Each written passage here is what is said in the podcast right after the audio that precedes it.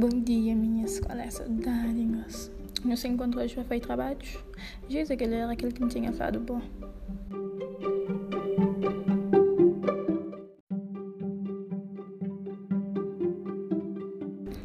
Hello, guys! Welcome to the third episode of The Murder, The Family Next Door. As we saw early, the police did an investigation at Chris' house, interviewed some neighbors, and listened Chris' lover in the court. I am Berenice and I will guide you in this episode. So, let's start! Two days later, after the disappearance of Shanann Bell and Celeste on August 15, Chris was submitted a polygraph test.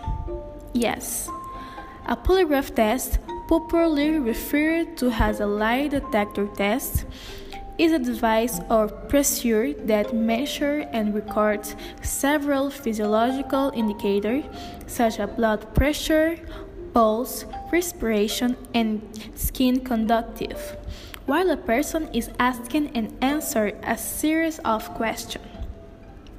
Chris was in a room with the materials to take the test the room was less than four square meters one table, two chairs, and a security camera. Although Chris didn't know that room had a security camera. A lady then entered the room, closed the door, and started to take the test. And Chris was very confident. After one hour and a half, the test result came out. The truth was that Chris didn't pass in the test. Yes, he's a liar. When he heard about it, he was in shock and didn't even know what to say.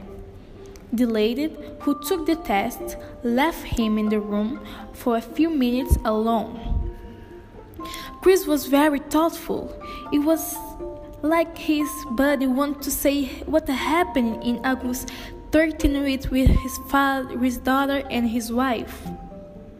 After a few minutes, the lady came out and brought a policeman with her. The policeman started asking him questions about related to his wife and his daughter. Chris was smart.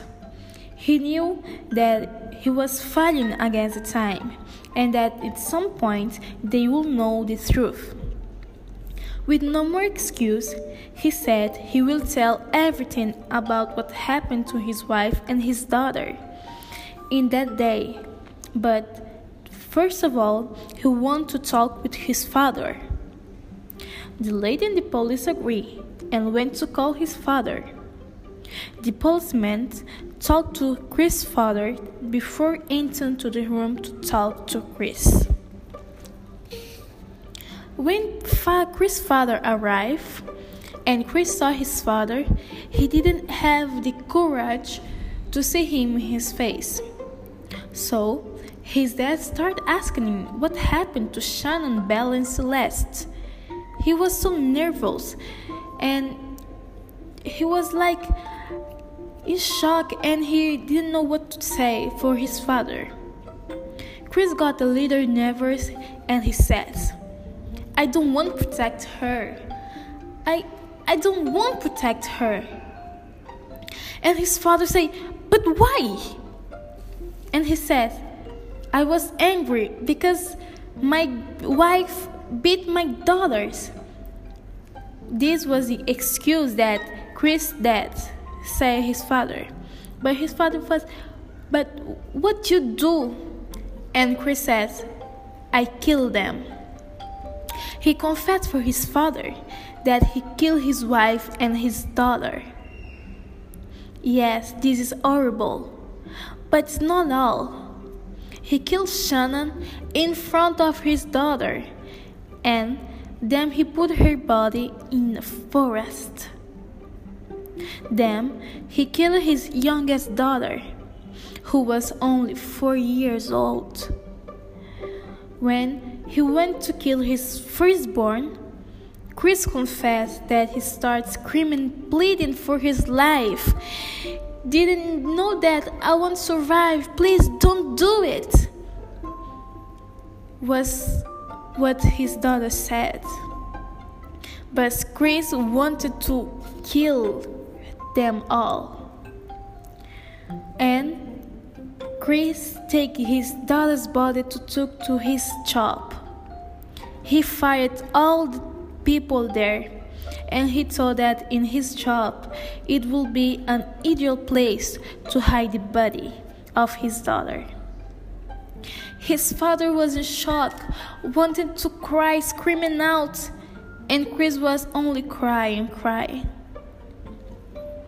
Before that, the police, the police came to this to the room and heard all about what Chris was said.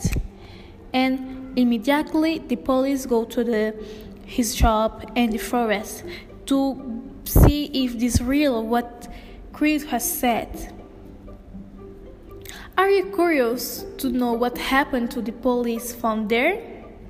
Don't miss the next episode to know the rest of the story about the family next door. See you!